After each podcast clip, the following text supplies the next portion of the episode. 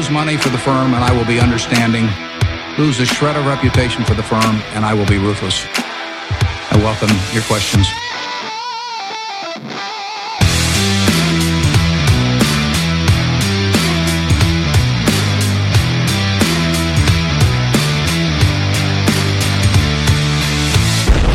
Välkomna till Kvalitetsaktiepodden. Det är jag som är Ola. Ja, och det är jag som är Klas. Det här är avsnitt nummer 12 som vi spelar in torsdag den 8 mars. Eh, vi hoppas på ett sjukt bra avsnitt idag. Och det är alltså så att Ola är dunderförkyld med svajig röst. Mm, lite så, Så ja. trots att han är sjuk så hoppas vi det ändå ska bli ett bra avsnitt. Då. Ja. Ja. vi får se om vi tar oss igenom här då. Eh, rapportperioden är över. Och då kan vi äntligen lyfta blicken lite grann över kvartalsrapporterna. Mm. Har några som vi ska några som vi ska plocka upp här från rapportperioden. Men annars så blir det lite nytt. Ja, förra, förra gången körde vi 11 bolag Ja, på, på, precis. på en timme ungefär. Så att eh, det var lite tempo. Mm. Eh, Jag hoppas vi kan ha det lite lugnare då va? För vi har haft jättekul eh, ja, de sista dagarna inför det kan man säga. Mm. Tittat på mikrobolag. Ja, jag har fått in eh, önskemål om att plocka upp lite mindre bolag och vi har försökt kolla på några här riktiga småbolag. Ja. Börsvärde under 50 miljoner. Ja, Mm. nej men det här är ju lite som, är, är det som på fina restaurangen det här att även om det ligger väldigt lite på tallriken så kan det vara väldigt, väldigt gott va? Ja, Ja, Ja. Det vet vi inte. Det, det får vi se. det får vi se, det får Mm. vi se. Ja. ja, vi har ju under veckan även njutit av Warren Buffetts årliga brev till aktieägarna. Mm, alltid lika kul att läsa. Ja, tänkte snacka lite om den inledningen här faktiskt. Eh, så det, det ska bli skoj. Så förutom det då så är agendan för dagen här att eh, snacka Buffett, allt är kul. Och sen så blir det tre rapporter. Skrapa upp de sista som kom här i slut, slutet på rapportperioden. Vi tittar igenom våra portföljer lovar vi eh, förra gången. Det är ju jättelånga bett där, så- men det är en snabbis Snabb bara. uppdatering Snabb av uppdatering. hur det har gått för, våra, för våran buy and hold och våran utdelningsportfölj. Sen kommer eh, veckans fråga då som är de här mikrobolagen. Mycket frågor på Twitter framförallt. Eh, om, eh, ja man frågar om olika bolag men också mer allmänt tycker man det vore kul om vi pratar lite mer mikrobolag. Eh, det finns kanske en anledning till att vi inte pratar så mycket mikrobolag. Det kommer vi kanske in på under den, Precis. eh, eh, den delen. Men eh, kul är det. Mm, det är Och det ska man ha. är kul ska man ha när man håller på med investeringar. Så det blir jätteskoj. Ja. Och sen kan vi inte låta bli att ta ett otroligt aktuellt Buffett-citat. Jag såg tyvärr att Dagens Industri hade hunnit före oss och hade med det i sin artikel om den var idag. ja, det kom idag ja. Ja, Lite det- tråkigt. Nej, men Ja. det är ändå kul att Dagens Ja. Industri snackar Berkshire och sådär. Ja, det är viktigt. Eh, kanske säger något om vad vi är i, i börscykeln också då.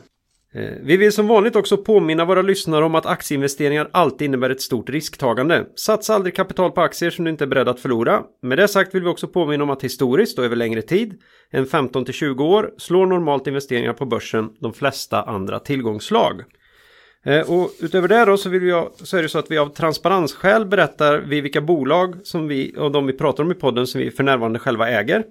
Detta ska aldrig betraktas som en köprekommendation. Vi jobbar aktivt med börsen och agerar ibland med betydligt kortare tidshorisont än vad vi tycker är lämpligt för den normala privatspararen.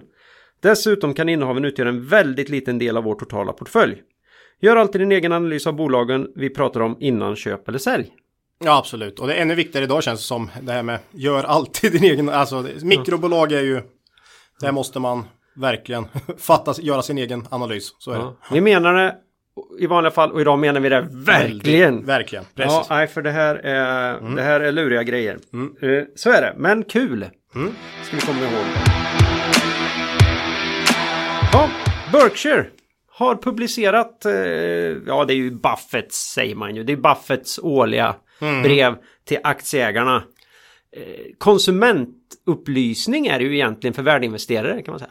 Ja, det är det ju. Och eh, ja, han skriver det fortfarande som jag och Charlie. Liksom. Ja, det, Charlie and I. Charlie and I, det är mycket det han kör då. Eh, det är han som har alltid skrivit. Det finns, jag vet att man kan köpa alla hans eh, Ja, årliga... det finns en bok från, ja, jag vet inte om det är från 65 fram till 2014. Alla, alla breven samlade då i en volym. Ja, det, det, den, den har inte vi. Den skulle man ju ha vi hemma. ha. Det, den ska man ju ha så att man kan gå tillbaka och titta lite. bara njuta. Ja, njuta. Och sen kan ju, man kan ju läsa, jag vet inte hur långt det går tillbaka. Men jag tror du kan läsa också sen 65 typ på nätet. Det ligger ju där öppet Mm. Ja, på deras hemsida för alla. Och, Men absolut, man, jag tycker alla ska gå in och läsa det senaste. Man ska göra det varje år. Det är ju en sån här liten, jag tycker det är viktigt. För han har en bra syn på, på ekonomin och hur eh, börsen är värderad och sådär. Eh, Han är ju inte jättenöjd nu, men säger ju att de har ju, ja, de känner att de är trygga i det de äger. Men att det mesta ser dyrt ut, eh, liksom. Så, så, så säger han. ja, nej, han, eh, han, han skriver någonting om det att de är, de är trygga i att inte riskera eh, pengar som de behöver för att eh, försöka tjäna pengar som de inte behöver. Ja, just det. Ungefär så. Ja, precis. Eh, det är lite kul. Ja, det är kul. Nej, men så att eh, läs det. Och, eh, och även lite politik får han ju in. Ja, han är ju väldigt, han är väldigt subtil. Hans, Mm. Det han skriver på fem rader om vad han, vad han tycker om eh, skattesänkningarna i USA.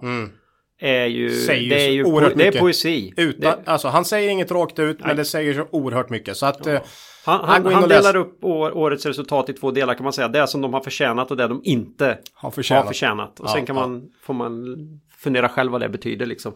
Nej men... Han är eh, ju inte republikan, så kan vi säga. Han är ju demokrat. Eh, trots att han, hans pappa var ju republikan och eh, ja, han ställde väl upp väl i i- senat. Eller Ja, åtminstone han var med i... Ja, men han, han satt väl i någon av församlingarna. Ja. Men eh, det systemet är ju krångligt alltså. Men, Han var i alla fall med i den här uttagningen till Congress eller något sånt där. så Ja, att, eh, han ja, har han ju, satt där, tror jag. Mm, han, har, han har verkligen varit republikan. Men Buffett har ju mycket hans fru tror jag som Mm. påverkade honom eh, under hans livstid. Och fick honom att svänga där. ja, han berättade ju själv om när han var och lyssnade liksom på Martin Luther King i, Mm. och hur det påverkar honom i den här fantastiska dokumentären som man också ska se som finns på H ja, den, finns, den är från HBO men den finns ju på YouTube. Jag Ja. vet inte om det är hur det går till men den ligger ju där och är med bra kvalitet. Dokumentär om Warren Buffett. Ja, eh, nå- något år gammal är det väl nu.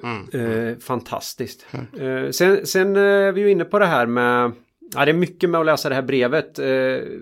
Åk till Omaha säger du. Ja, jag tycker det. Alltså, du måste ju vara ägare då, Ja, såklart. men det går ju att köpa sån här baby-varianten. Ja, samma berättigande till stämman. Mm. Så du kan verkligen eh, komma in på stämman nu till ett eh, rimligt pris. Och förhoppningsvis så kan du ju sälja aktierna med lite vinst också. Ja, är, så är, man småningom. inte, är man inte värdeinvesterare så ska man ju och kan skrapa ihop de här 3,5 miljonerna eller vad en aktie kostar så är det det bästa man kan göra tror jag. Jag för tror jag av, av, avkastning över tid. Mm, Köp en sån aktie och ha den för att komma in på stämman och så kommer det, Precis. du tjänar mycket pengar. Och nu är det så, de är ju inte purunga direkt. Vare, vare sig Buffett eller Charlie Munger. Så ja, vill man liksom se dem i livet så är det nog kanske dags att åka över till USA på en weekend eh, här i maj. Ja. Eh, vi kommer inte vara där i år. Nej, Men eh, kanske vem vet? nästa. Vem vet? Mm. Vad, som, vad framtiden har i sitt sköte. Eh, det som är lite skoj där också är ju att du och jag har ju också börjat prata lite mer om de här Todd och Ted. Just det. det här är ju två figurer som Buffett börjar prata mer och mer. Alltså det finns en succession på G i eh, Berkshire. Eh, de, de får ju förvalta, var, var förvaltar en väldigt liten del av, av Berkshires eh, onoterade. Jag vet inte om de har en del not Jo, det tror Eller jag. absolut. noterade menar jag. Noterade är det ju. Ja, om, de, om de har någonting o- det onoterat. vet, det vet jag faktiskt inte. Så att de har faktiskt inte mer än 12 miljarder var Dollar. dollar Ja, Mm. att jobba med. Så det är klart att det är lite begränsat. Ja. Så det, de är ju på prov. ja de Men, är eh, på prov. Ja, Buffett skriver så här, de har ju betydligt mindre än vad jag har men fortfarande mycket jobbigare än normala privatsparare. Nej, det är så jäkla bra. så att det är kul. Eh, Nej, så att det finns, eh, det, det kommer hända någonting efter också. Eh, Mm. De verkar ha haft en väldigt bra avkastning på Mm. de pengarna. Eh, när man läser mellan raderna hur det har växt deras kapital. Ja, och de investerar ju oberoende av eh, Buffett, men enligt hans filosofi naturligtvis. Här säger han, jag hade inte gjort alla de investeringarna men eh, samtidigt hade inte jag gjort några av de investeringar jag har gjort heller. Sa han väl i någon intervju jag såg med honom. Så att ibland gör man fel va. Så att det, ja, så är det. Ja, nej, Buffett är ju också med någon gång i kvartalet eh, på CNB. CNBC ja. Ja, finns också på YouTube. Ja, ja, Ja, det är, gud vilken eh, Ja. tillgång man, det finns idag absolut. Eh, till de här lirarna alltså. Mm. Nej, det, man behöver bada lite i hans, eh, hans visdom ibland. Ja, det precis, är jättebra. Precis. Och det här med långsiktigheten som är... Ja. Ja, Nej, så, så, så läs aktieägarbrevet. En, en hellre åk till Omaha. Mm. Det är väl det. Han eh, kör ju några olika saker varje år. I, i år eh, pratar han om det här med var, varför ska man aldrig använda lånade pengar. Mm, just det. Väl värt att titta på. Även, även Berkshire rasar rejält i, när, när börsen, när proppen går ur börsen så att säga. Mm, Då vill du inte sitta där och ha belåning. Och vi avslutar ju våra avsnitt alltid med det här att bada inte naken va. Mm. Eh, den är ju starkt kopplad till just det där med eh, lånade. Så länge du inte lånar och investerar galet så, så kan du känna dig trygg även när tidvattnet drar sig tillbaka. Så. Det blir, det blir rea för dig istället då. Eh, och sen så har han ju haft det här vadet som eh, avslutades nu då förra året med hedgefonder helt enkelt där. Ja, Wall Street-fonderna. Ja, han, han gjorde ett jättejobb och uh, mätt, mätt, eh, han ställde upp, man kan säga två kombatant, kombatanter här. Buffett ställde upp uh, Standard Poor's 500, största, eller ett av de största indexen. Mm. eh, med de 500 största amerikanska bolagen. För tio år sedan. Och, eh, fick, och de andra har ju jobbat som idioter med att sätta ihop en, Ja, ju en korg av hedge. Det är flera hundra Ja, anställda på de här som, ja. som försöker slå. Eh, Och det har ju gått fruktansvärt dåligt. Gå in och titta eh, på det. Vi återkommer till det eh, lite senare. Buffett vann alltså vadet rejält och allt skulle skänkas till någon välgörenhet också. Ja, det fanns ett underliggande, en, ett underliggande bett där. Det, det var faktiskt inte utvecklat enligt det här, så, uh, berättar han, utan de pengarna hade de efter några år satt i Berkshire-aktier. Mhm, okej. mot, mot att han lovade att han skulle täcka om det mot alla odds inte gav Jaha. 100%. Okej. Han, var, han kände sig trygg sa han. Så det hade väl i genomsnitt, ja, det har ju gått rätt bra då. Ja, ja läs. Läs. läs brevet. Ja, jättekul alltså. Mm. Ja, eh, det var eh, vår vän Buffett eh, så här långt.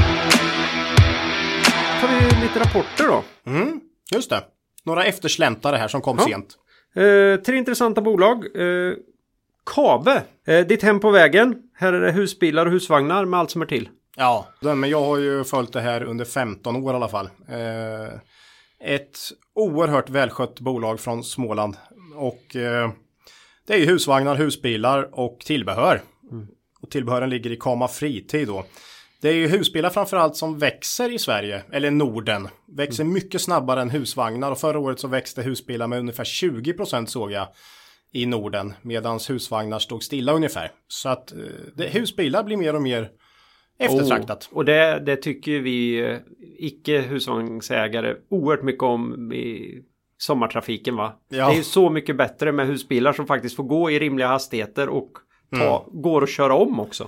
Ja, Med de här precis. jädra husvagnarna. Så det här gillar vi. Det här är en underbar Ja, det är underbart. utveckling. Och jag vet att KB har sagt någon gång också att man har ju bättre marginaler på husbilar. De är ju mycket dy- Alltså en husvagn kanske kostar 500 000 och en husbil 1,2 miljoner. Mm.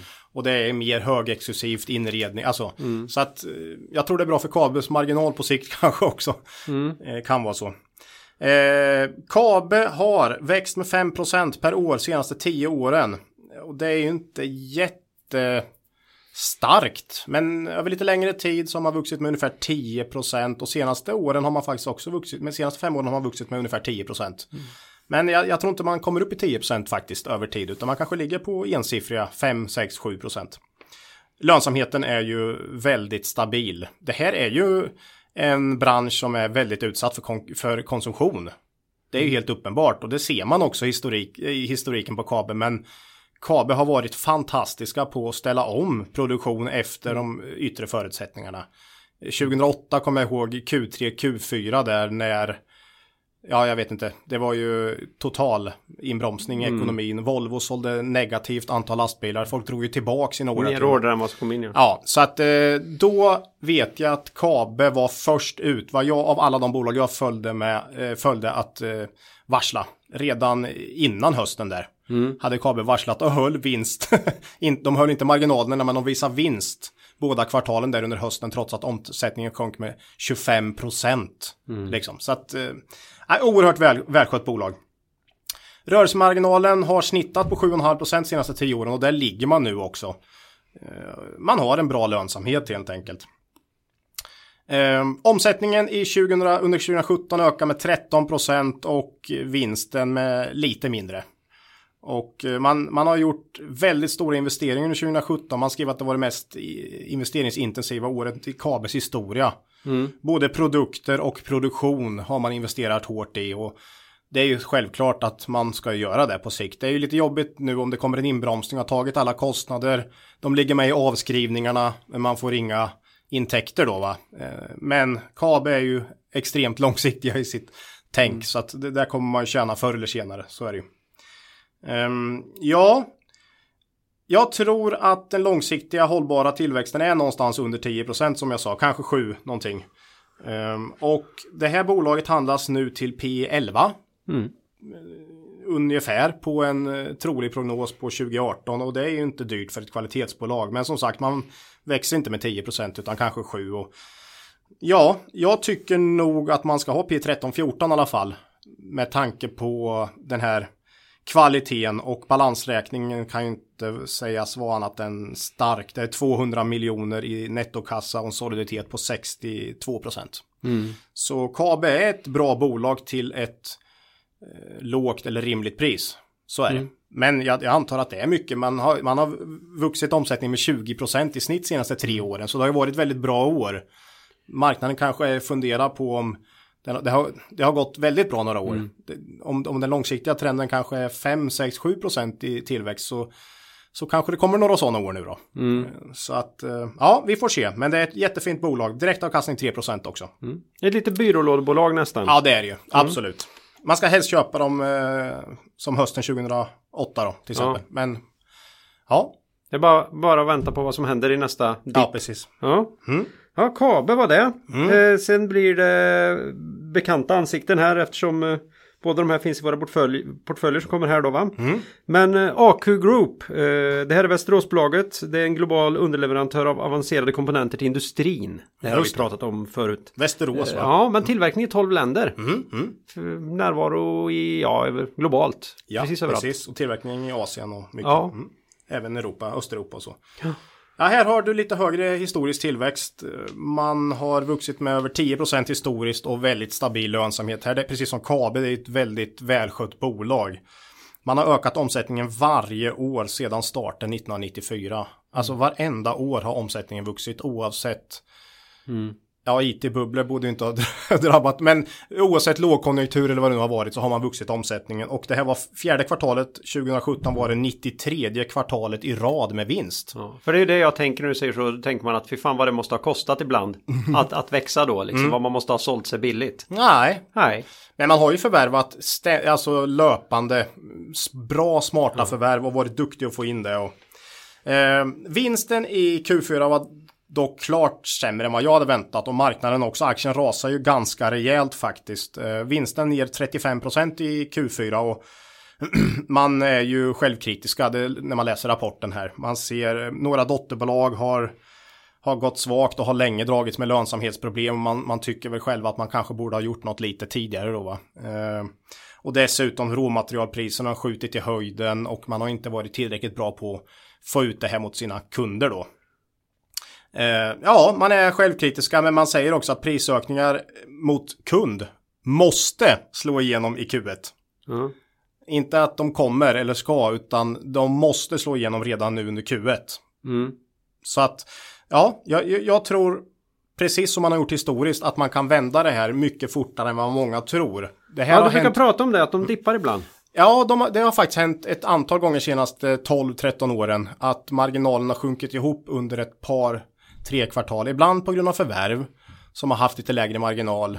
Men också på grund av leveransförseningar, leveransförskjutningar, högre råvarupriser och så. Men man har varit på ett par, tre kvartal så har man varit tillbaks mm. på sin historiska lönsamhet. Och jag tror man vänder här också. Eh, 12% ökade omsättningen med i Q4 och allt var organiskt så omsättningen fortsätter ju trumma på. Det är lönsamheten som var klart lägre. Jag tror man kommer tillbaka som sagt, men man ska nog inte räkna med någon vinstökning under 2018 utan första halvåret kan nog bli ganska så svagt och sen så kanske man kan se lite förbättringar i slutet på mm. året. Så säg en oförändrad vinst ungefär 2018. Eh, det, det, det känns rimligt. Mm. Så ja, då hamnar PE på ungefär 16 här för AQ Group och det är väl också kanske vad man ska ligga på ungefär tycker jag. Det är en bra tillväxt och bra historik. Här har vi också en, en liten grej vi måste nämna och det är att grundarna då Claes Mellgren och P.O. Andersson här har sagt att man tar ett steg tillbaka då. Claes slutar som vd och P.O. slutar som styrelseordförande och det här är ju grundarna då. Så det här, här ska man ju alltid se upp, tycker jag, när de här två hjältarna på något sätt kliver tillbaks. Då måste man få in nya fräscha människor som kan axla det här.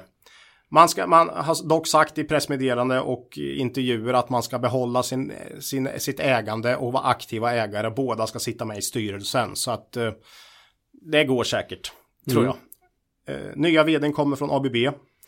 Och eh, nya ordförande som föreslås har suttit i, styr, i styrelsen för AQ innan. Så att det är ju, det känns liksom inte Mm. Det, det, det, känns okej, okay, men det är, alltid en, det, är lite, det är alltid lite sådär när man byter ut två så framträdande. Ja, för här, här, vill man ju gärna ha lite business as usual på något sätt i ett sånt här bolag. Att fortsätt, ni gör det bra, fortsätt med det liksom. Ja, precis. Jag såg ju Systemair då när uh, Gerhard Engström hoppade av som vd för några år sedan. Um, ja, det har inte gått faktiskt lika bra sen dess. Han sitter ju med som ordförande då mm. och uh, det går säkert att få, och det är inte alls säkert att bero på det, men du kan ändå se i resultaten för Systemair att mm. det har varit sämre utfall senaste åren sen. Mm. Och samma sak ser vi i Fenix nu då, att eh, Martin Nordin tar ett steg tillbaka till ordförandeposten. Så att eh, Se vad som händer. man ska hålla lite koll på det där. Mm. Nej, man behöver inte vara jättekonspiratoriskt lagd för att tänka sig att det finns två uppenbara anledningar till att det kan vara så där. Det ena är ju just att den här, den här vdn, den här grundaren, ledaren är så viktig. Mm. Och så ja, genomsyrar bolaget med sin inställning och sådär. Det andra är ju att man ser att fy fan, nu blir det tungt. Mm. Ja, ja, och jag, jag orkar inte ta, jag orkar inte ta en sån här, en sån här Om, motgång till. eller motgång mm. eller en vändning eller mm. De ser de här grejerna på ett helt annat sätt än vad vi utifrån kan se. Mm, mm. vad, vad beror det på att det är tuffare och hårdare och mer prispressat och sådär? Liksom. De har ju levt med det här bolaget i 25 mm. år mm. och eh, det har varit deras allt. Mm. Liksom. De har pratat rörelsemarginal, de har ju levt för det här bolaget. Mm. Men någon gång, och det kanske var rätt tid då, lite svagare Q4 och sådär. Eh, P.O. Andersson sa ju att han är över 60 nu och han vill umgås med sina barn och barnbarn lite mer. Han har ju levt med det här va. Så att eh, mm. ja, det är ju så. Vilken drömvd var det som svarade på den frågan vad hans huvudsakliga hobby var? Så var det ja, det är, ju, det är ja. ju Claes Mellgren. Ja, att det är rörelsemarginalen. Det är rörelsemarginalen. När de frågar om liksom hobbys då. utanför. ja, det är roligt. Ja, det är bra. Då har man ju ett liv verkligen. Kvalitetsbolag i svacka. Mm. Och... Eh... Kommer en köprek här nu. Från... Jag såg det i Affärsvärlden idag mm. här. Och aktien var väl upp en 4-5% tror jag. Eller något sånt. Mm. Eh, och... Nej, men det troliga är ju att de kommer tillbaks. Det har de gjort alltid historiskt. Mm. Men visst, det är ju alltid lite osäkrare att köpa. Men samtidigt kan du inte få de här kvalitetsbolagen till låga priser om du inte köper i tillfälliga dippar då. Men P16 är inte, det är inte jättebilligt. vrålbilligt Nej. ändå. Det är det ju inte.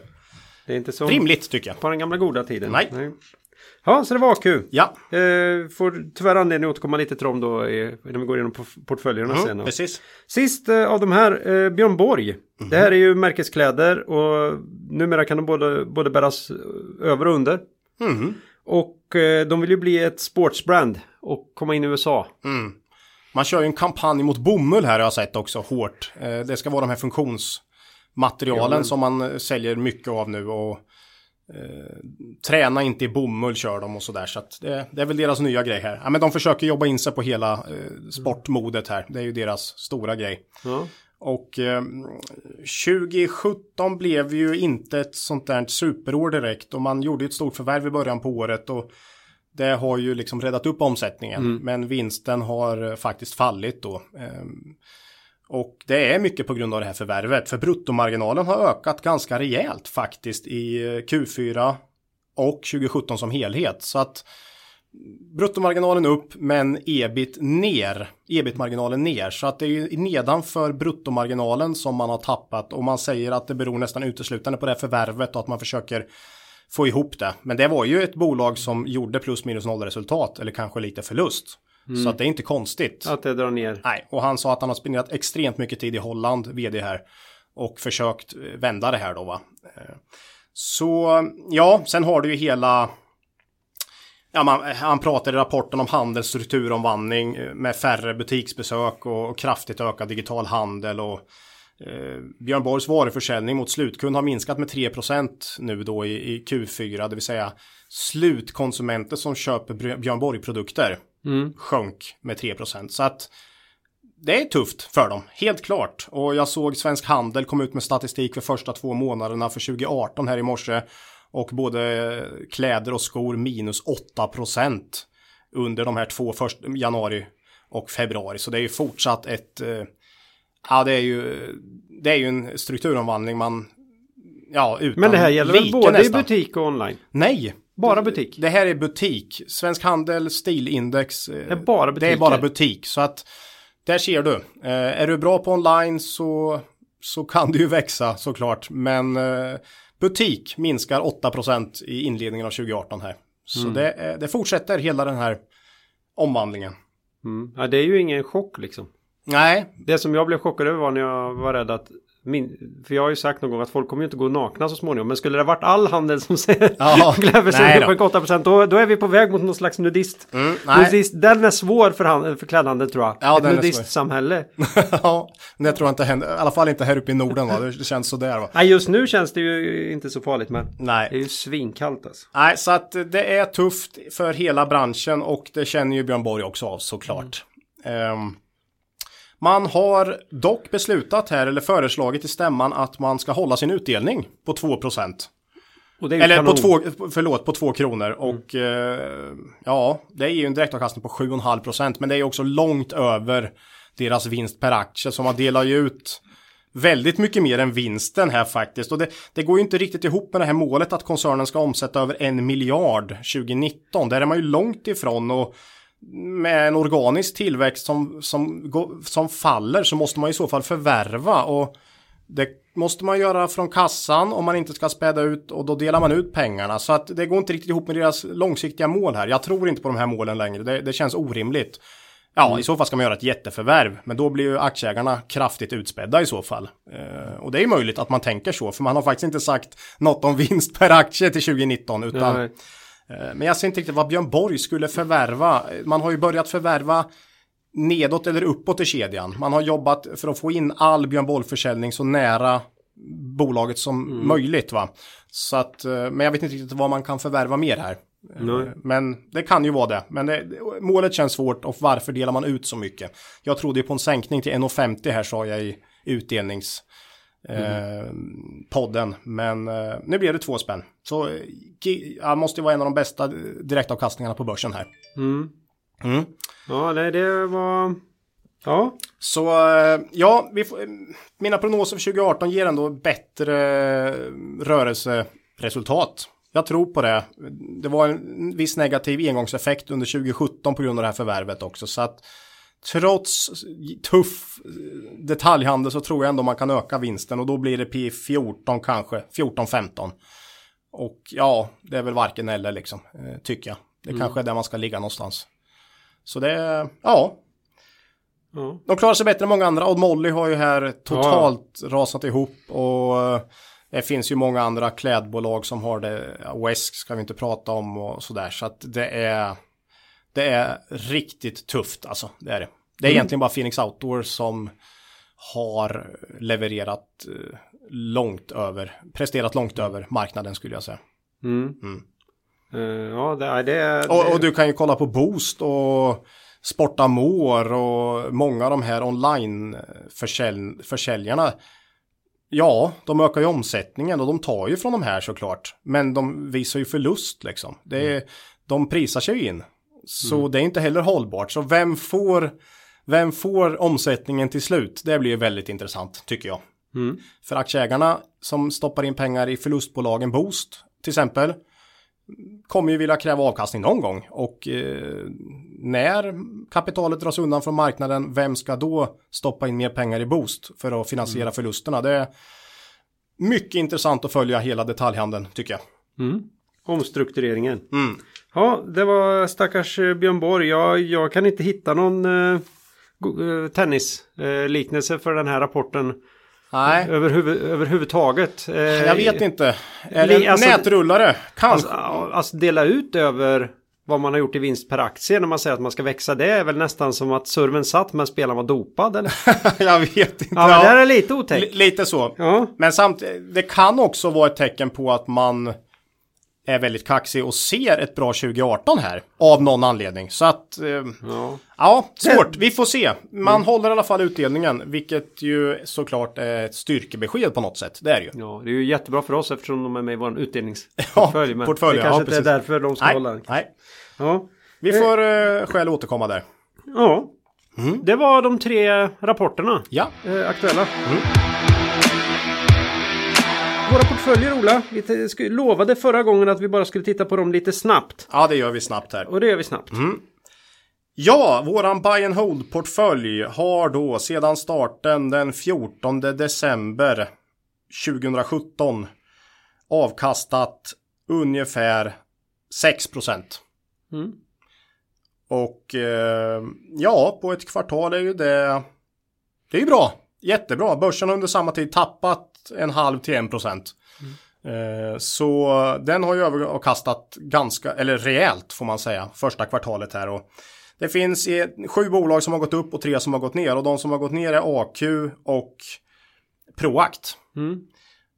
Och Systemair lite grann. Så kan vi säga. Eh, Sen har du ju några som har gått väldigt bra. Bäst har IAR Systems gått med plus 22 procent.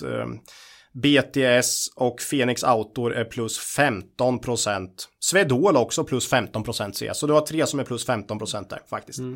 Så ja, har gått väldigt bra. Och, och det, det jag vill säga här är ju att det här är ju precis vad vi förväntar oss.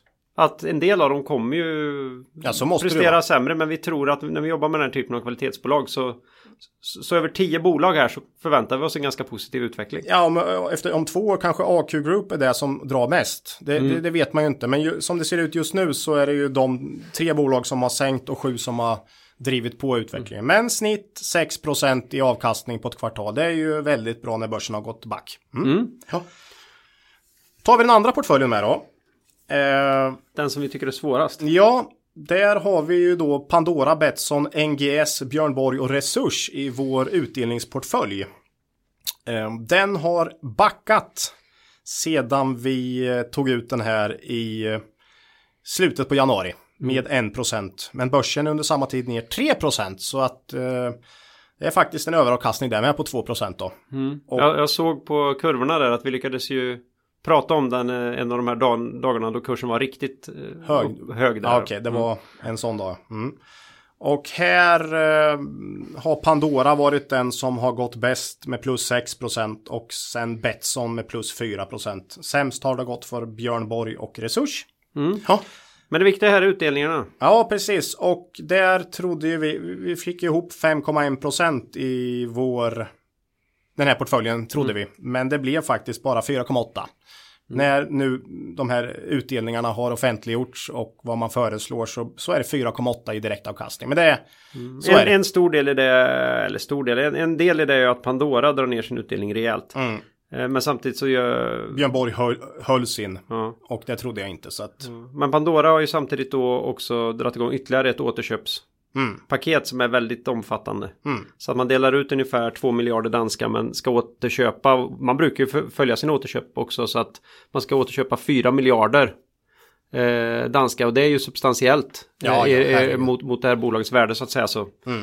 Eh, det, det är ju Ja, det är ju ett val man kan göra och Pandora-aktien anses ju av många värdeinvesterare vara ganska nedtryckt kan man säga. Mm. Så att eh, då, då är det väl rimligt att göra återköp. En del blankare har täckt sina positioner på sistone. Jag såg någon ny blankare som hade kommit in. Men några av de här som har varit med nu ett tag och blankat har eh, börjat täcka sina positioner ganska rejält faktiskt. Så ja, utdelningsportföljen, ja men 2, 2% före börsen sen vi drog igång här. Mm. Så Ja, och, Ja. Det, och håller nästan vårt 5% mål på utdelningen här då. precis. Ja, så, Så att det är en bra start för båda portföljerna. ja.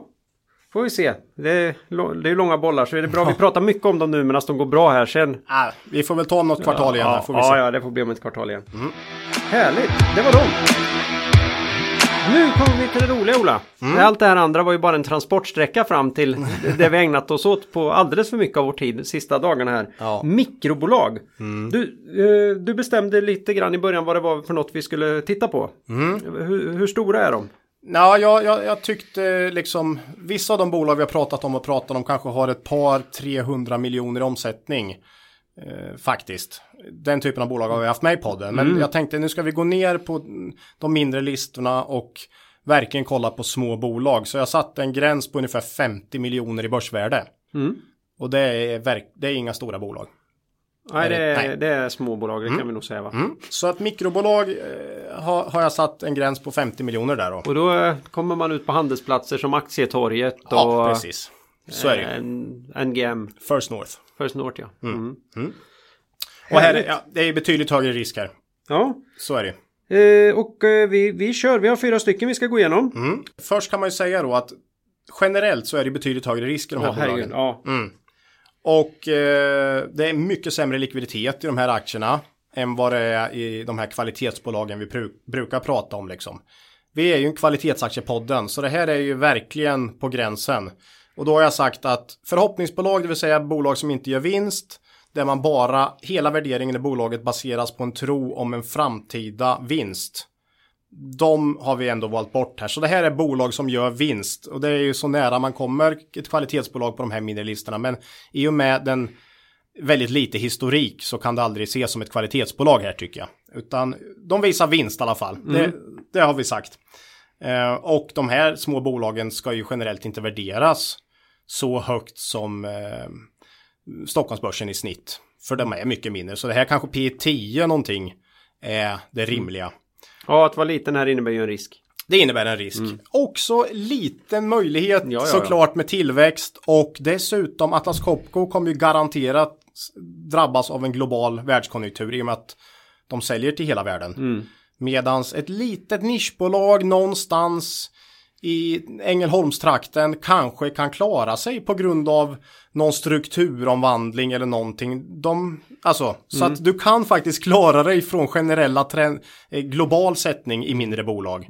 Eller, kan, eller, du, eller, eller, så blir du helt wiped out. Ja, eller liksom. att du är inne i en sån tillväxtfas så att det blir bara en dent. En liten dent i din enorma tillväxt. Att ja, det varit precis. en lågkonjunktur. Liksom. Precis, du släpper en helt unik produkt mm. året före finanskraschen. Ja, då kan mycket väl 28, 9, 10 ha varit fantastiska år. För efterfrågan är så oerhört stark jämfört med förra året. va. Mm. Så att eh, för och nackdelar, men generellt betydligt högre risk såklart. Men eh, kan man hitta några vettiga bolag på de här små listorna så kan man ju få vara med på en, på en bra resa. Eh, mm. Så är det. Balansräkning tycker jag är nä, ja, nästan ännu viktigare här mm. än normalt faktiskt. För risken är ju högre och man måste ju klara av lite något, något sämre kvartal liksom. Så, mm. Mm. Ja, det här är, det här är skoj alltså. Ja, ja Poff. Mm. Ja, vi börjar med... hade vi först på listan. Det här har jag följt under, under lång tid. Och det har funnits i många olika skepnader. Mm. Misstänker att det är förkortning. Ja, House of Friends. Ja. heter bolaget numera. Och det har tidigare hetat Dan och eh, Nordcom. Man har alltid jobbat inom, eh, det är en mediebyrå, reklambyrå, eh, digital produktion av reklambudskap är det ju. Och man jobbar ju med företags varumärken för mm. att förbättra de bolagen och få ut dem till kunderna. Va? Så ja, det har funnits så många skepnader. Man har bolaget har förändrats en hel del. Man har köpt och sålt dotterbolag en del så att eh, jag vet inte riktigt exakt hur mycket av dagens House of Friends som är det gamla Dan eller Nordcom då va? Som, mm. som det har hetat. Man sålde Otto Boni för några år sedan som var eh, fick in mycket pengar på men eh, ja det är, det, det är i olika skepnader har det funnits under lång tid i alla fall. Mm. Och eh, ja, man släppte en Q4 här nu med kraftigt ökad lönsamhet. Eh, faktiskt. Och man är tillbaks på den lönsamheten man har haft för fyra, tre, fyra år sedan faktiskt. Eh, 10 procent. Man har legat mellan 8 och 10 före man, man sålde av Otto Boni och de senaste två årens ganska svaga resultatutveckling. Och House of Friends har ju fått en liten skräpstatus nästan senaste åren har jag sett och eh, ja, det har inte gått bra helt enkelt. Mm. Eh, och stora förvärv är alltid en risk. Man förvärvar House of Friends och sådär. Och eh, det kom, den gamla vdn i House of Friends tog över nu eh, för aktiebolaget här då. Mm. Som ligger på First North. Så här måste man ju vara extremt personberoende när man är det också. håller på med den här typen av business och är så små. Mm.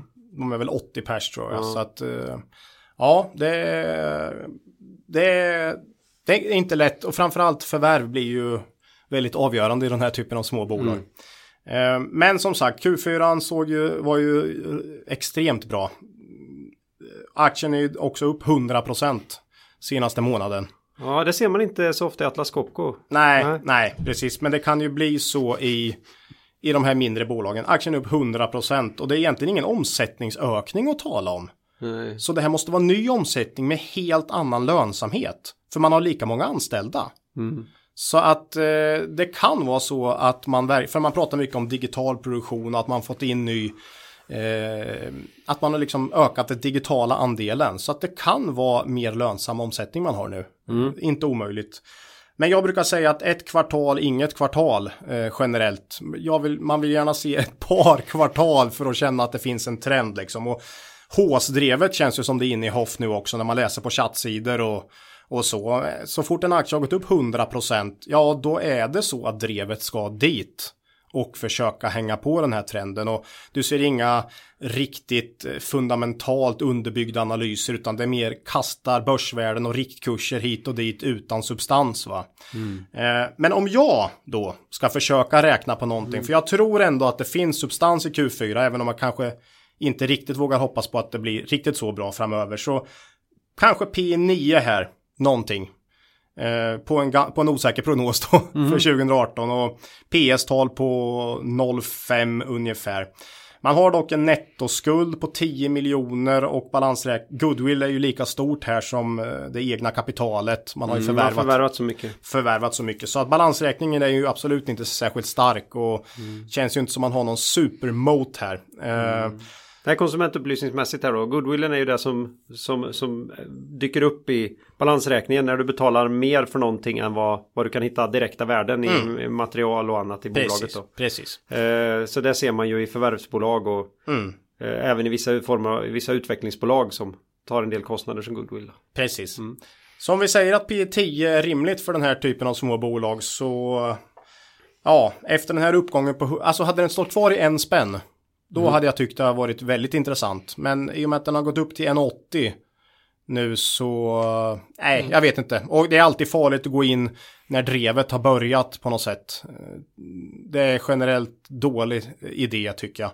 Och som sagt, ett kvartal. Eh, svårt att göra en trend på ett kvartal. Mm. En fluga Nej. gör ingen Så sommar. Eh, vi får väl se vad som händer. Men eh, 2018 ser ut att kunna bli klart bättre än 2017 i alla fall. För det var tre svaga kvartal och ett bra där. Så att kan man få ihop det i några fler kvartal här så Ja, men det ska jag också säga att P9 bygger på att man får ihop det hyggligt i fyra mm. kvartal. Ja. Och det är det som är själva grejen, att den har gått upp 100%.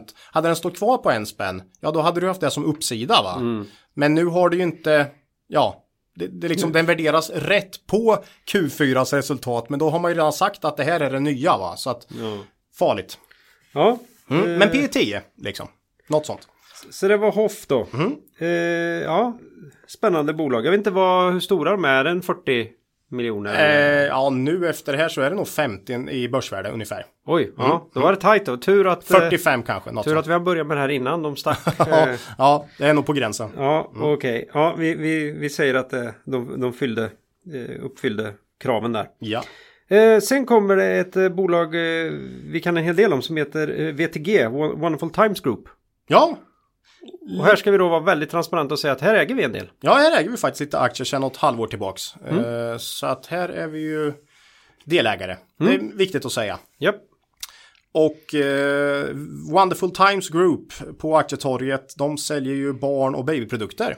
Mm. Och det är Alf, uh, brädspel mm. för hela familjen och för barn. Med andra ord. Med andra ord är ju en storsäljare och sådär. Vi har väl en 3-4 spel av Alf hemma vet jag. Eh, som, ja, nej men det är, det är lärorika spel och roliga spel, så kan vi säga. Mm.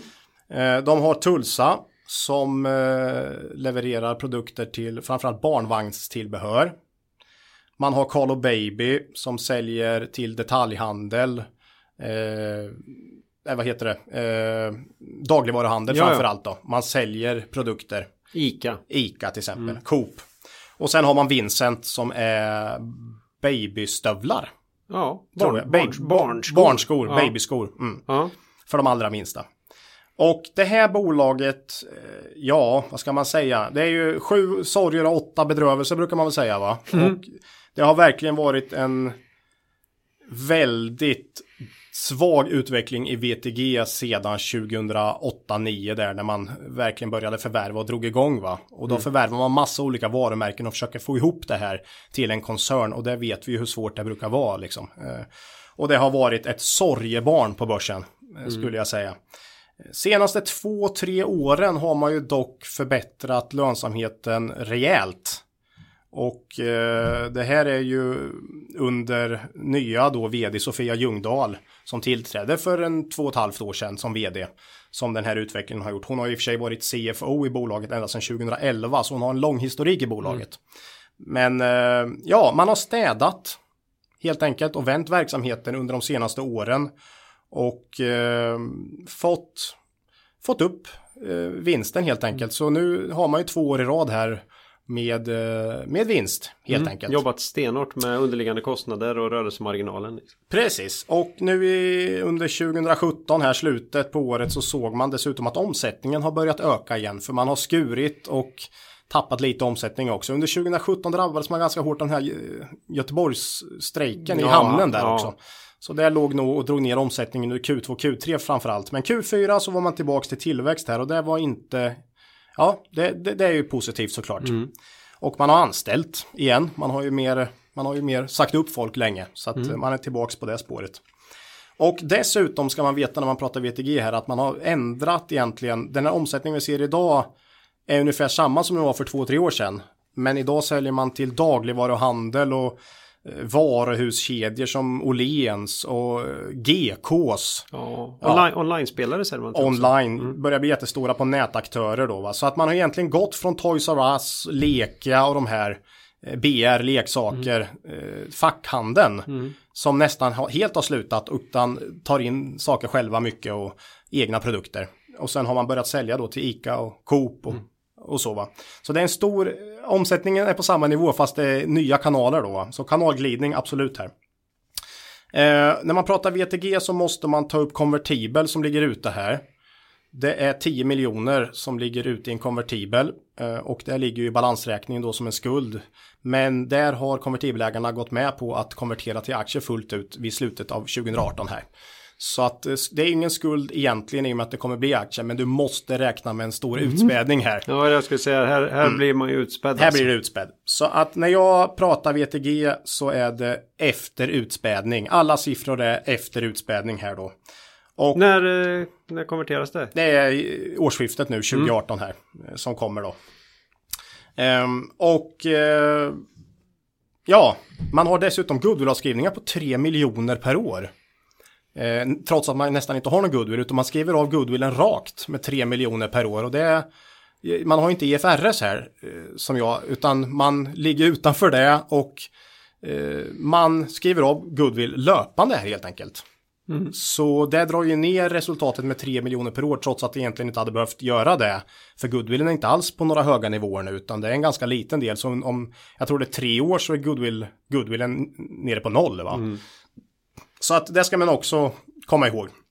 Ingen skatt betalar man heller efter de här åtta katastrofåren. va. Så att, eh, men eh, PE ungefär 6,5 då på 2018 års vinst. Och justerar man då för goodwillavskrivningar och eh, sådär konvertibel så är ju P under 5. Eh, är ju extremt lågt här. Men det är väl den historiken som fortfarande, men som sagt jag tycker ändå det är ett par år här då man har en, en vänt verksamheten va. Eh, Och en tydlig vändning har man gjort va. Så att eh, PS 04 och aktien handlas en bit under eget kapital. Och det egna kapitalet är inte så mycket goodwill längre, utan det är mest varulager och så va. Så att, eh, nej, billigt. Eh, och man skrev nu i Q4 att man siktar på att börja dela ut pengar för verksamheten året 2018, det vill säga om ett år kanske man får den första utdelningen i eh, VTGs historia. Ja. Eh, Nej, de, har ju inte, de gjorde ju inte som Trump här och liksom eh, hit ground running direkt. Det kan man inte säga. Utan det har varit lite uppförsbacke. Ja, ja visst. Nej, det har ju varit jättetufft eh, under många år. Men som sagt, senaste åren en vändning här och aktien handlas ju väldigt lågt om man kollar på vinsten då. Mm. Gör den. Men stora risker såklart, självklart. Så ja. Men eh, naturligtvis en enorm spread här. Är Ja, ja, jätte, ja. jättelåg omsättning. Och, sämre, sämre likviditet i aktien än i Hoff. Mm. Och Hoff är den inte bra i. nej. Så att kom ihåg det de här bolagen. Det här är pyttesmå. Nej, pyttesmå, det är förneka. Det här är ändå 100 miljoner i omsättning nästan. Men det är små bolag och likviditeten i aktien är väldigt låg. Så köper du det här, det är inte alls säkert du kan sälja den dagen du vill sälja. Utan då måste du vara en långsiktig ägare i så fall. Det, är- det, är- det är så det är. Och det är ju det är så vi är i, i, i Ja, vi betraktar GTG. ju sådana här bolag som... onoterade. Onoterade, kan man Ja, säga. det, får ju, det, det är ju så man ska göra tycker jag. Men de är på börsen Ja. och då kan ni handla i dem om ni nu skulle önska det. Eh, men fundera och läs och tänk. Ja. Eh, Så är det. Sen ska vi göra någonting fullständigt unikt då. eh, För vår lilla podd här. Det är nämligen jag. Som har tittat lite på ett bolag här. Intressant. Så nu, nu kan det bli, vad heter det, roliga timmen. för er där ute. Så att... Intressant Claes. Håll i, ja, får Ola rätta upp mig här efterhand då. Eh, en, en, nu borde jag kanske ha sagt det, men det kan vi återkomma till. Eh, på Twitter fick vi frågan om vad vi tyckte om Sarsys, eller om vi inte kunde titta lite på dem nu när vi skulle prata mikrobolag. Det här är alltså Scandinavian Airport and Road Systems. Det låter intressant. Ja, och eh, det här är ju ett mikrobolag då eh, som eh, eh, är världsledande på marknaden för friktionsmätning på landningsbanor. Och, herregud. och vägar. Eh, ja, det är ju väldigt, eh, ja, det är inte så komplicerat men det är ganska, det finns ju inte information Nej. så jättemycket i det här bolaget. För det här bolaget har varit på börsen i ett år. Så innan det så kanske inte redovisningen har varit den tyngsta utan man ser att de liksom har lagt ut gamla kopior från Bolagsverket av gamla årsredovisningar och sådär på sin hemsida med, Ja. med, med stämplar på annat va? När man, när man skulle in på. Och man har alltså gått in då på NGM. Eh, och det här är ju en sån här MTF-aktie. De har ju betydligt lägre krav På redovisning. på redovisning och så än, än vad andra har. Det blir inga kvartalsrapporter här direkt. Aha, okej. eh, och, och sådär va? Men visar de vinster så har vi ju att... Ja, det, Det är de. ju det de gör nu. Bra, bra. Nej, för annars... Eh, ja, ja, annars hade det, det hade vi som krav även Ja. här så att säga. Mikrobolag med en vinst. Ja, och det här är ju eh, ett bolag som vi normalt inte skulle röra i för att det är rörigt. Mm, mm. Det som händer nu, det, och det är ju därför det blir så kul att hålla på och titta på det här. Det visar ju sig av, kan ju inte vara av en slump, så finns det ju de två av de största spelarna i världen på att, att tillverka eh, utrustningar och utrustningar för att mäta friktion På landningsbanan på landningsbanor, det är ju olika typer av fordon som man sätter in då utrustningar i. Både väldigt avancerade mätutrustningar men också väldigt tekniska utrustningar för att kunna ha, no ha något hjul då som broms bromsas mot det här underlaget och därigenom kan mäta Mäta upp vilken, vilken friktion det är och man måste kunna spraya ut vatten för att simulera eh, olika typer av, av eh, blöta landningsbanor och så vidare. Ja. Jag misstänker man åker runt när det är nedisat och man håller på liksom.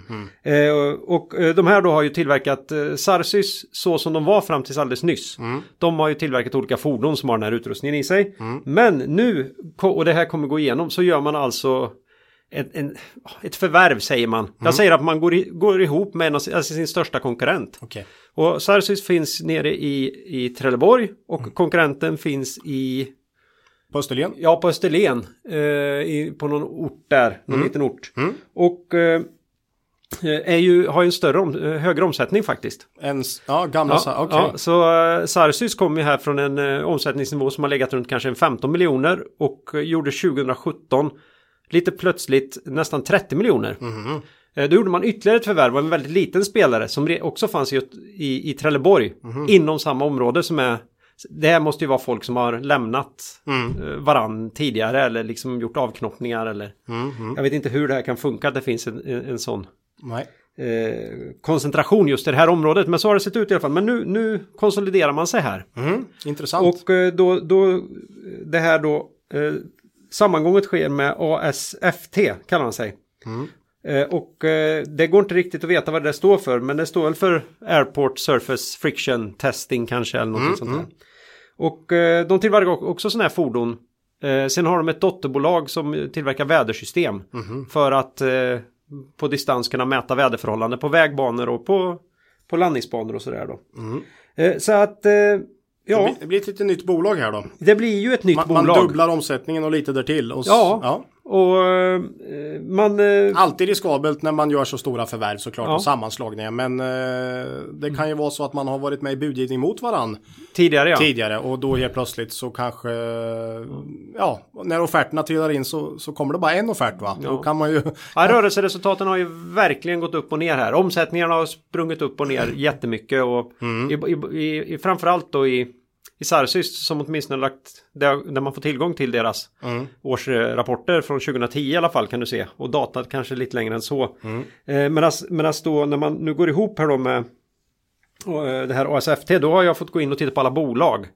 Eh, I det här memorandumet som går ut vid förvärvet. Eh, nu vet, vet jag ju att det är andra regler då på de här listorna som Sarsys ligger på men det är ju uruselt alltså. Mm, De, de har en uppskattning av vilken omsättning de nådde 2017 och, och en, vinst här. Och sen så, så händer det inte mycket mer liksom. nej, nej, nej, det är så. Men alla Eh, bolag. Mm. Alla bolag Ja. va? Så, att, eh, så man har ju fått eh, gräva lite här för, att, för att hitta något att jobba med då. Ja. Men eh, eh, ja, och sen vad betalar man då för det här? Ja, man eh, betalar då, man, man köper en omsättning på ungefär 47 miljoner och man kanske betalar 25. Och det gör man genom en nyemission Ja. i huvudsak. Lite kontanter, någon miljon kontanter. Och sen finns det ett sorgebarn som man har med sig i de här vädersystemen. De har gått dåligt och sista året verkar de ha gått urdåligt då. Ett dotterbolag då, ett weather, ASFT Weather Systems. Eh, så att eh, de... Eh, om de shapar upp sig och börjar leverera en miljon i vinst, då blir det någon slags earnout här också på ungefär samma storlek. Eh, sen, annars måste man nog fundera på om man ska ha kvar det där, för det hade ju på en omsättning på några miljoner så hade man gjort en förlust på tre. eh, si- sista här, så det, det ser tufft ut. Men eh, det man gör nu är att man bygger ett helt nytt bolag. Eh, man eh, slår ihop sina eh, mätsystem här, sina plattformar. Det är olika bilar med sådana här i. Eh, Kan ju bli synergier här. Ja, men- alltså här bör man ju då gå ihop misstänker jag i en produktionsanläggning eller så här, för nu sitter man ju på två produktions... kan ju eh, bli en hel del engångskostnader då när man ska få ihop allt och omstrukturera och lägga ner och kanske säga upp över, liksom, överflödig personal och så. Ja. Så att 2018 kan ju bli väldigt stökigt men det kan ju vara rätt på sikt. Mm, Det kan det ju vara. definitivt. Mm. Så att, eh, ja, jag vet inte riktigt vad vi ska säga om det här. Det Mm. introducerades ju bara ett år sedan måste vi komma ihåg. Så, så bara därför borde vi ju inte. Men Nej, nej. det har varit kul, och, kul att se vad som kan hända med bolag Mm. som är så här små. Och eh, de introducerades då för, eh, på 4,65 för Mm. ett år sedan. Sen dess har kursen utan att det egentligen hänt så där himla mycket slagit mellan 3,60 och 7,50. Ja, det är ganska typiskt också för illikvida aktier att och, och ett avslut en dag behöver ju inte vara representativt alls utan det kan ju vara 10 aktier som flyttar kursen Ja, 15 procent va? Ja, ja, det- Eh, Så att det, där ska man också komma ihåg att man måste räkna själv och ja, ja, ja. Nej, det, så är det. Slutkurser är inte alls representativt ofta. Utan- Nej, och det finns väldigt lite data så jag vet inte hur stor floaten är i det här bolaget. Jag vet inte så mycket Nej. hur stor andel av aktierna som ens... Nej, men är alla de här bolagen vi pratar om här nu är ju väldigt låg likviditet i Ja. aktierna så att mm. Ja, men eh, vi... Nu med det här förvärvet. Om man nu ska vara, bara titta på vad skulle det här kunna vara värt. Mm. Så kan man tänka sig att de kanske kan nå 80 miljoner i omsättning under 2018. Mm. Eh, man har ju no haft notoriskt sväng i rörelse, eh, rörelsemarginal. Mm. Men ja, de kanske kan skrapa sig upp till 5% här nu när de går ihop. De har gjort en deal med Exportkreditnämnden så att de ska kunna komma åt nya marknader. Där då svenska staten går in och tar emot, hjälper till att ta ner mot, motpartsrisken rejält mot en mindre peng än vad du kan hitta på den öppna marknaden och sådär.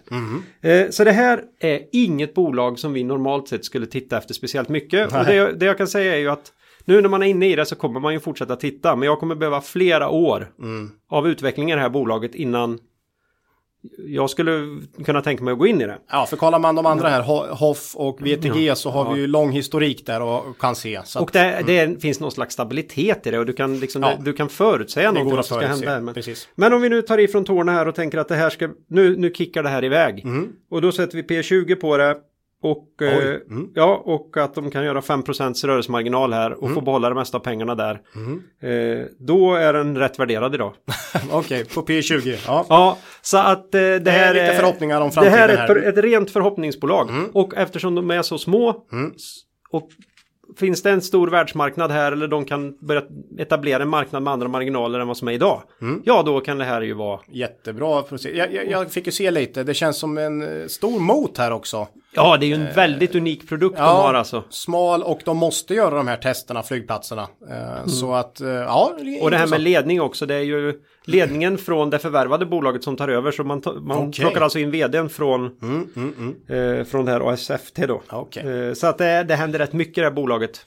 Kanske avvakta och se vad som händer här nu när man, om man kan få ihop det. Men det var ju earnout också på det förvärvade bolaget. Där. Ja, det var ju på det här väder... Jaha, okej, det är okej. ett dotterbolag då. Ja, Okej, för jag som- tänkte det är svårt att slå ihop två bolag om man ska earnout på en del. Nej, Men, nej. Det, det där, det där har de nog, Okej. verkar de ha tänkt på i alla fall. Ja. att, ja. Mm. ja, men spännande. Sarsys alltså. ja, det var det, var det vi hade på dem. Får Ja. se om ett år kanske om vi kan göra en uppföljning vad, vad som har hänt i de Det är här ju bolagen. fantastiska namn. Alltså det är Sarsys va. Det är ju, det är ju vilka namn va. Ja, ja. Och det är den hemsidan också. Jaha. Ja. Wonderful Times Group och House of Friends. Det är ju, ja det, det är kul.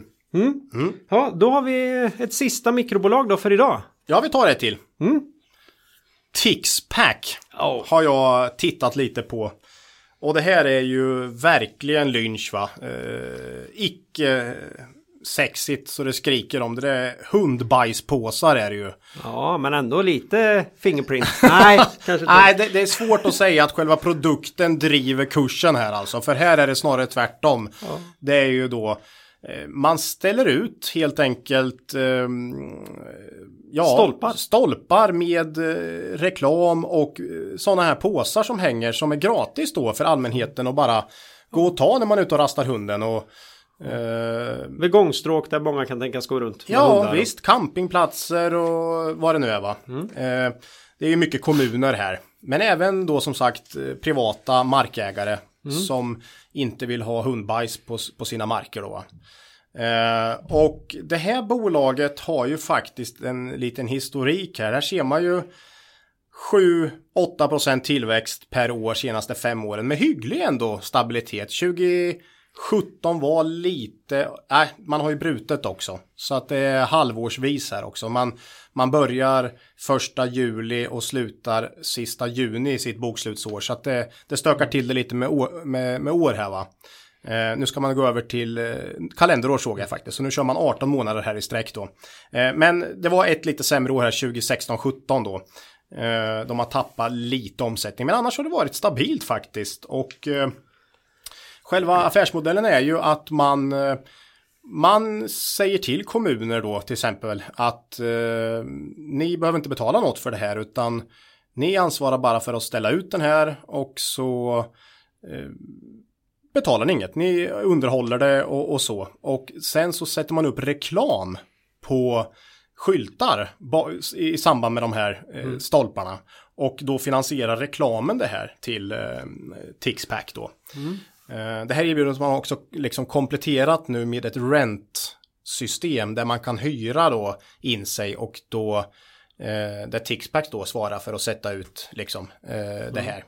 Och då kostar det några tusen, 3000 tror jag ungefär per år för att hyra en sån här. Men är det kommunen som fixar med att fylla på påsarna eller är det de stackarna själva? Nej, kommunerna så är det allt sånt ligger på kommunen då liksom. Eh, så att man har ju inte personal. Det här är ju 7000 olika stationer runt Ja. om i Nordeuropa och eh, England tror jag, eller Storbritannien och Tyskland om jag kommer ihåg rätt. Så att man har det här liksom 7000 sådana här ute då. Och 400 kommuner och vad det nu är runt om.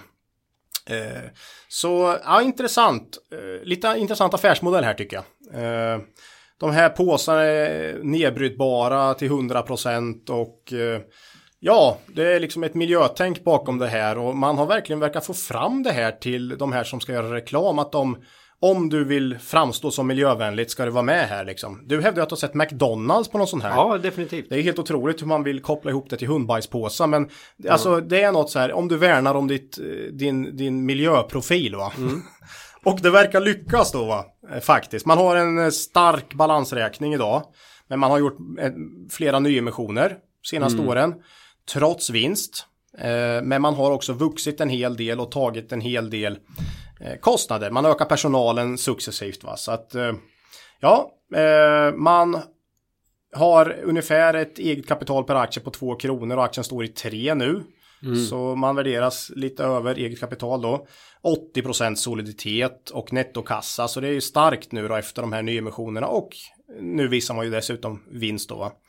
Eh, jag uppskattar det här till P10 ungefär. Och eh, Goodwill skrevs av helt eh, från halvårsskiftet här, förra halvårsskiftet. Så att man är man slipper en miljon i avskrivningar per år här nu också, vilket gör ju att vinsten kommer se lite bättre ut i år. Så att, eh, ja, P 10 ungefär. Ehm, och ja, det är väl där man ska ligga som, eh, som små bolag tycker jag ungefär. På P 10. Men det är intressant och framförallt så tror jag inte det kan bli något drag i aktien på grund av hippa produkter liksom.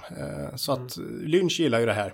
Han, ja. han gick väl in i begravnings Ja, Funeral Homes Funeral Home. och ol oljereningsutrustningar och laggårdsteknik och såna ja, grejer. Ja, om man är ute efter ett bolag som tjänar pengar så spelar det Vad tjänar du pengarna på? Är det hundbajspåsar eller är det nya hippa trådlösa hörlurar? Mm. Alltså pengar som pengar. Så att helst ska man ju då ta då ett bolag som gör väldigt Eh, tråkiga produkter helt enkelt. Eh, mm. Det tycker ja. nog inte Tixback, de ser sig nog lite som miljöhjältarna här. Eh, mm. Så att det, och jag tycker det här känns superschysst med hundbajspåsar faktiskt, mm. just på grund av det. Men ja, som sagt, intressant bolag tycker jag. Mm. På, en, ja, på en liten lista och P 10 liksom. Så det... Inget skitbolag alltså. Det är jag ju tvungna att... ja, ja, ja, ja. den är bra. Den är bra. Ja. Nej, ja. vad häftigt. Tixpack. Fick väl avsluta vår mikrobolagsspecial här. Ja, Mm. Fyra stycken. Spännande bolag. Det har varit roligt. Vi har ju tittat på några, några fler. Men det här kravet med att man faktiskt skulle kunna påstå att det här är bolag som går med vinst. Ja. På riktigt. Det, det kan ställa bort det ställer, 80% på de här små listorna. Så att... Ja, det ställer till det rätt rejält kan man säga. Ja, precis. Ja, mm. Så att eh, härligt. Då stänger vi bolagsdelen. Mm. Tack.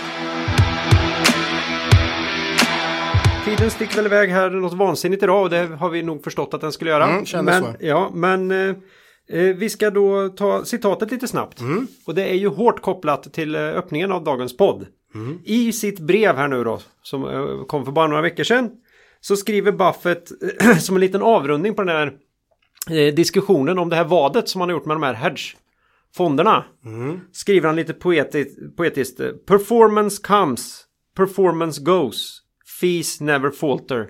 Nej. Och det var ju det som hela vadet egentligen gick ut på. Yep. Att med så höga avgifter som de här hedgefonderna tar så kan de inte slå index över tid. Det var ju det som var hela hans take här mm. liksom. Och... Ja, eftersom de inte spekulerar i bolagens fundamentala värde utan de spekulerar i vad, ofta i vad hur kursen kommer gå helt enkelt. Ja, mycket så och dessutom avgifter på det. Ja. Som drar ner avkastningen ganska rejält. Så att... Eh, de jobbar mm. med belåning. Allt, det, ja, mm, allt det här som Hävstångsprodukter och sådär. Ja, och de sa ju mycket att de, de överpresterade väl första åren där, för de började väl precis före finanskraschen. Mm. Och de har ju mycket, hedgefonderna har ju mycket tryggare då, inom situationstecken, mm. eh, tillgångar.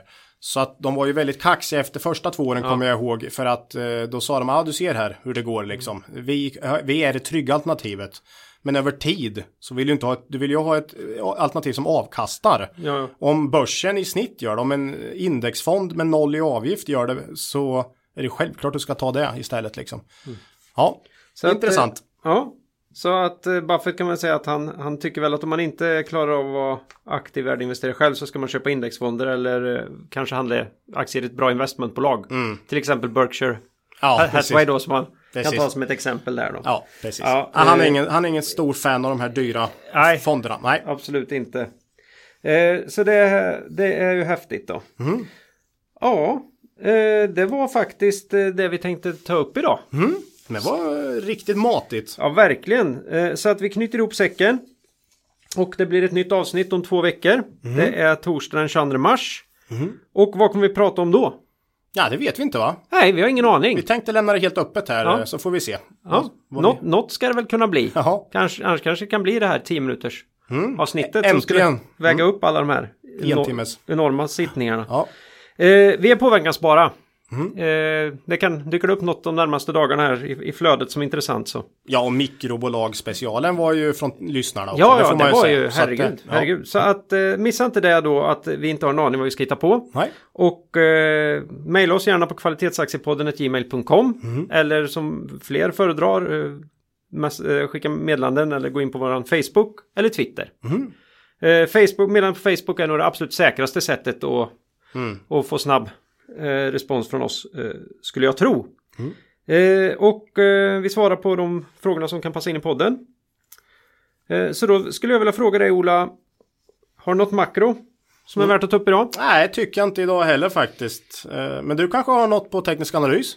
Ja, jag har faktiskt läst då att alla med stjärntecknet Tvillingarna eh, har en intressant vecka på gång här nu. Jaha. Eh, Det är så att eh, Venus och Neptunus möts i en förvirrande konjunktion. Och det här kan ge upphov både till kärleksfulla och mysiga känslor och möten mellan människor. Men du använder horoskop alltså som underlag för sina aktieinvesteringar. Det, Ja, jag förstår inte skillnaden just mellan dem. ja, ja. det är bra. Så, det, så är det. Så mi, eh, missa inte de här eh, kärleksfulla mötena nu, alla Nej. tvillingar. Ja. Eh, eget ägande. Vad äger vi? Ja, av de vi har pratat om idag så är det ju vi, Worldwide, nej, World Wide Web. Wo- Wonderful Times Group. Eh, precis. Och Berkshire har vi snackat Ja. om och vi har ju lite ägande i Berkshire Hathaway då. Mm. Eh, Proac nämnde vi tror jag. Där har väl du köpt in lite va? Ja, definitivt. Ja, det är väl det. Det är det. Ja, det vi pratade om idag. Mm. Så. Ja, Pandora nämnde vi lite grann också, men det var ja. Ja, Mm, det var väl Ja. väldigt i förbifarten. Ja, ja. Mm. Eh, så vi säger hej då för den här gången. Mhm, det gör vi. Och kom ihåg. Det är först när tidvattnet drar sig tillbaka som du får se vem som badar naken. Lose money for the firm and I will be understanding. Lose a shred of reputation for the firm and I will be ruthless. I welcome your questions.